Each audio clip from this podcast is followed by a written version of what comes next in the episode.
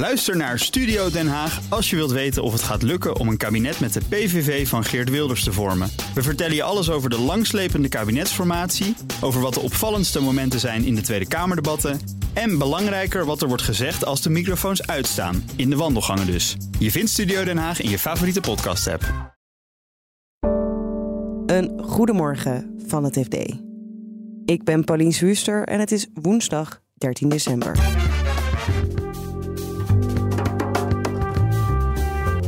Volgens bedrijven zorgt de nieuwe Europese AI-wet voor een flinke lastenverzwaring. Dat houdt bedrijven tegen om hier verder te kunnen groeien of innovatief te zijn. Friesland Campina reorganiseert, zoals veel andere bedrijven dat ook doen. Het is een heel illuster uh, lijstje. Het begon eigenlijk met Philips en daarna volgden grote namen als Signify, VDL Netcar, de autoproducent, en Tata Steel. En koffiefabrikanten willen een einde maken aan de grote koffiecups afvalberg. De ambitie is wel dat ze landelijk dekkend uh, dit recyclinginitiatief uh, uitrollen. Dit is de dagkoers van het FD. Vrijdag sloot de Europese Unie een akkoord over nieuwe wetgeving rond kunstmatige intelligentie. Burgers zouden daardoor beter moeten worden beschermd tegen de gevaren van AI. Bedrijven zien vooral een zware last. Voordat je hoort wat zij erop tegen hebben, legt redacteur Ardy Vleugels je uit wat de wet in gaat houden. In de nieuwe wet worden regels gesteld over wat bedrijven eigenlijk mogen rondom kunstmatige intelligentie. En dat gaat enerzijds over bedrijven die de systemen aanbieden en maken. En dat gaat ook over bedrijven die kunstmatige intelligentie toepassen en waar ze dat wel of niet mogen doen. Daar gaan die regels over. En die zijn bedoeld om eigenlijk ons allemaal beter te beschermen, zodat we ook rechten hebben om, uh, ja, om, om die ook te verdedigen als dat nodig is. En weten we al welke bedrijven het specifiek gaat raken? Het gaat alle bedrijven raken die binnen uh, de Europese Unie zitten um, en die iets doen met kunstmatige intelligentie. Maar er zitten in die wet wel verschillende categorieën bedrijven die werken aan systemen met um, een hoog risicoprofiel, om het zo maar even te noemen. Die krijgen zwaardere regels dan bedrijven die werken aan gewone, tussen aanhalingstekens, uh, uh, kunstmatige intelligentie. En wat het een en wat het ander is, daar zijn allerlei um, regels over uh, vastgesteld. Maar heel veel van die regels moeten ook nog verder worden ingevuld. Want de wettekst is er nog niet. Die gaat nog komen over een paar weken. Ja, daar speelt misschien ook nog een lobbyspel. Nou, ik weet niet of er nog een lobbyspel speelt, maar ik weet wel um, dat veel van die regels nu als een principe zijn afgesproken. En die tekst nog verder moet worden opgeschreven en uitgewerkt. En dan ook nog officieel door het Europees Parlement moeten. Ja, en eerder kwam er een brief van uh, zo'n 160 bedrijven die kritisch waren over uh, die wet. Wat waren hun grootste bezwaren? Ze hadden een aantal bezwaren en ik denk dat de grootste zich laat samenvatten met lastenverzwaring. Zij zeggen, kijk, we moeten voldoen aan allerlei regels in Europa, nu ook op het gebied van kunstmatige intelligentie. Dat zorgt ervoor dat we allerlei procedures moeten hebben in het bedrijf, dingen moeten vastleggen en ook opvraagbaar moeten zijn. Hè? Dus voor burgers en toezichthouders, van hoe hebben jullie dat dan precies gedaan? Transparant moeten zijn. En om dat te doen, kost gewoon geld en mensen.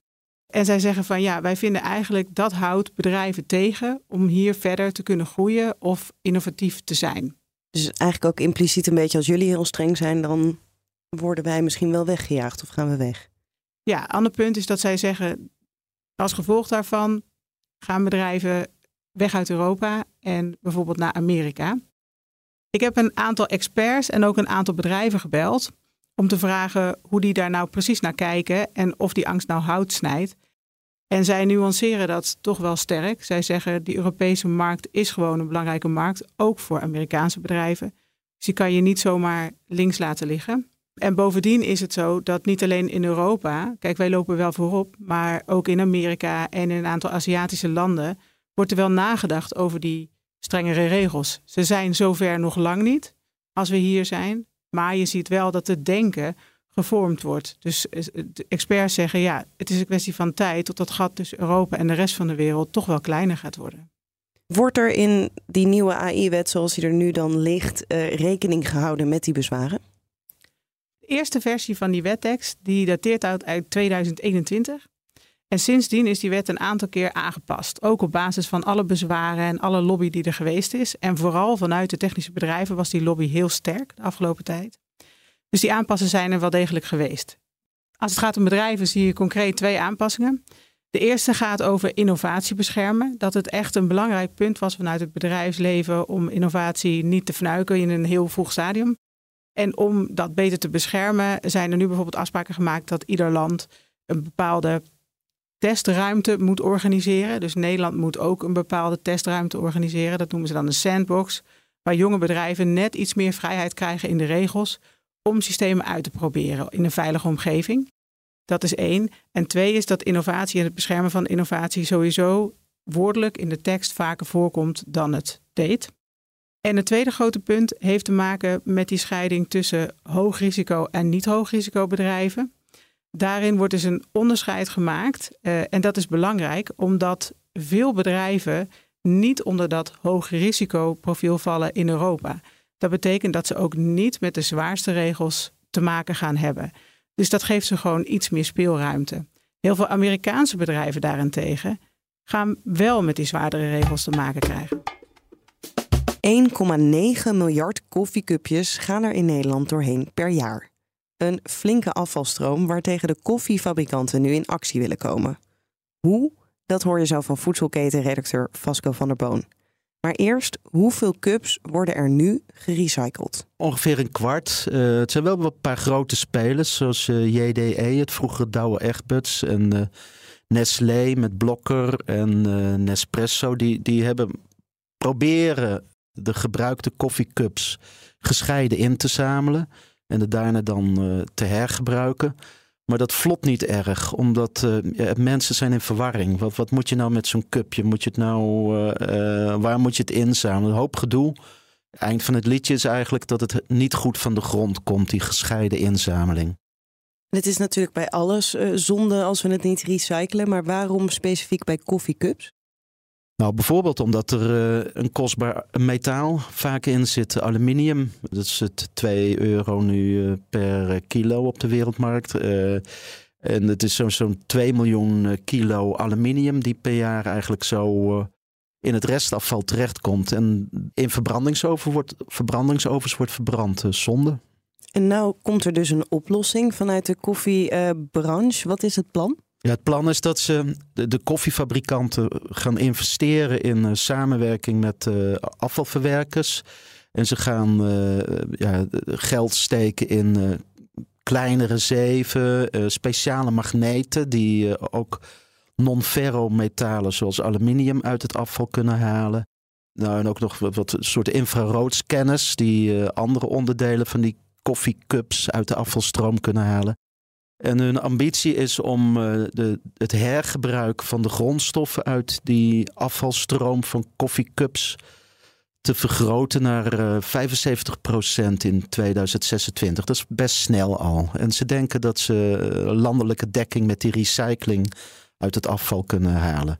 Daar hoort wel weer bij dat de gescheiden inzameling van gebruikte cups, dat ze daarmee ophouden.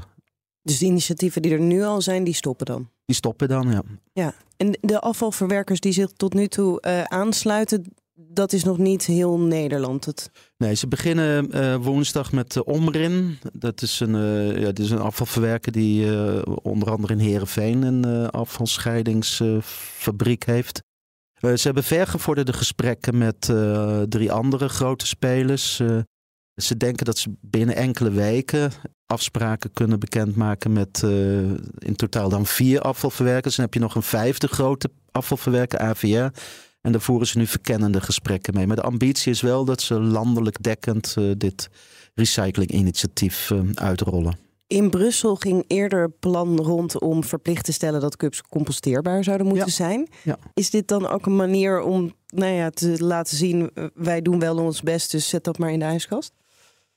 Nou, wat ik nu ook heb gemerkt is dat um, volgens de koffiebranche dat plan, dat Europese plan om verplicht te stellen dat koffiecups composteerbaar moeten zijn, dat dat van tafel is. Uh, volgende week praten de Europese milieuministers over de ontwerpverpakkingsrichtlijn van Europa.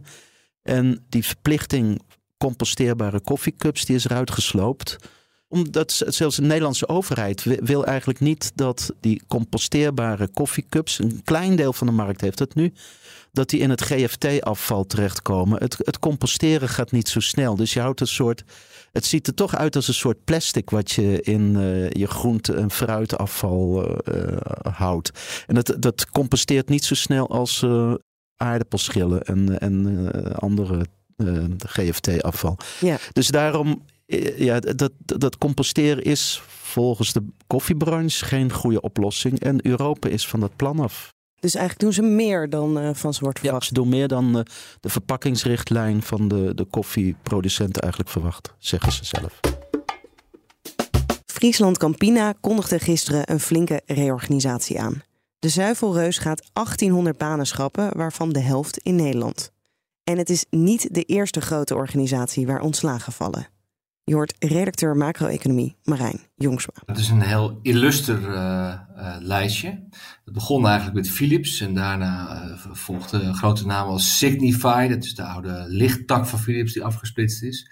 VDL Netcar, de autoproducent, en Tata Steel en Muiden, de, de grootste en eigenlijk enige staalproducent van Nederland. Hoe komt het dat er opeens zoveel banen verdwijnen bij die bedrijven? Nou, deels is dat wel bedrijfsspecifiek. Hè? Philips heeft zijn eigen problemen. Maar als je kijkt naar puur de industrie, dan mag je wel zeggen dat uh, we hebben dan voor de economie over een milde recessie. Een, beetje, een beetje krimp. Maar de industrie als geheel zit al uh, maandenlang in een hele stevige recessie. Dus dan hebben het echt over forse krimp. Als je kijkt naar de laatste bekende cijfers van het Centraal Bureau van de Statistiek dan heb je het over een productie die meer dan 10% lager ligt dan uh, een jaar geleden.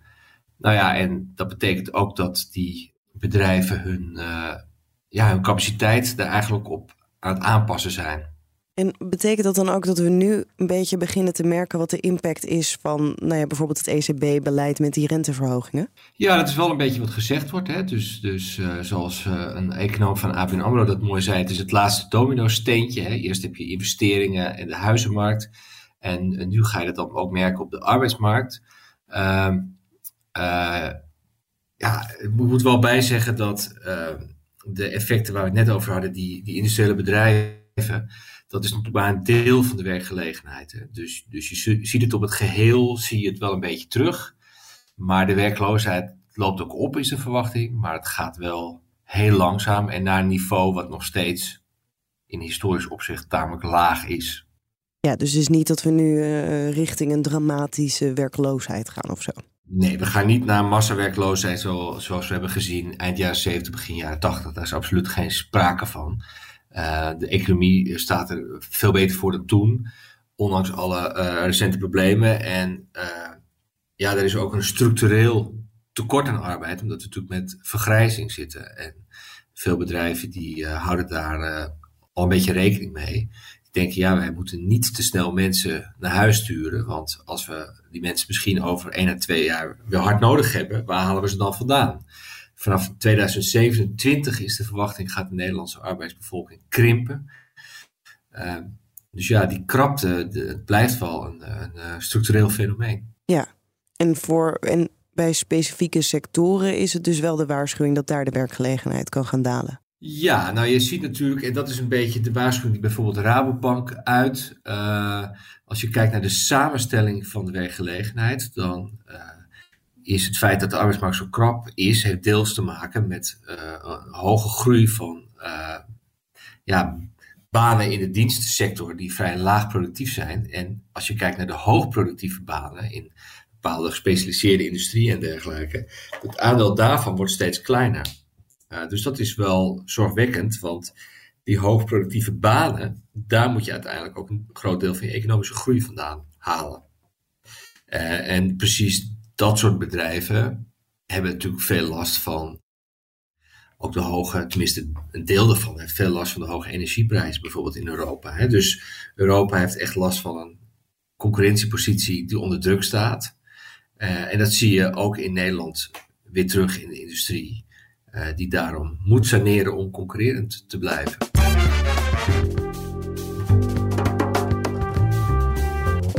Dit was de dagkoers van het FD. Al het laatste financieel-economisch nieuws kan je vinden in de FD-app of op fd.nl. Morgen zijn wij er weer met een nieuwe aflevering van Dagkoers. Voor nu een hele fijne dag en graag tot morgen.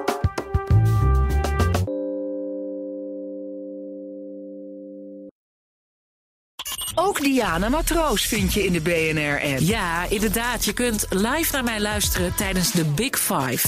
Ook handig in de BNR-app. Breaking nieuwsmeldingen, maar ook het allerlaatste zakelijke nieuws. En je vindt in de app alle BNR-podcasts, waaronder Wetenschap Vandaag. Download nu de gratis BNR-app en blijf scherp.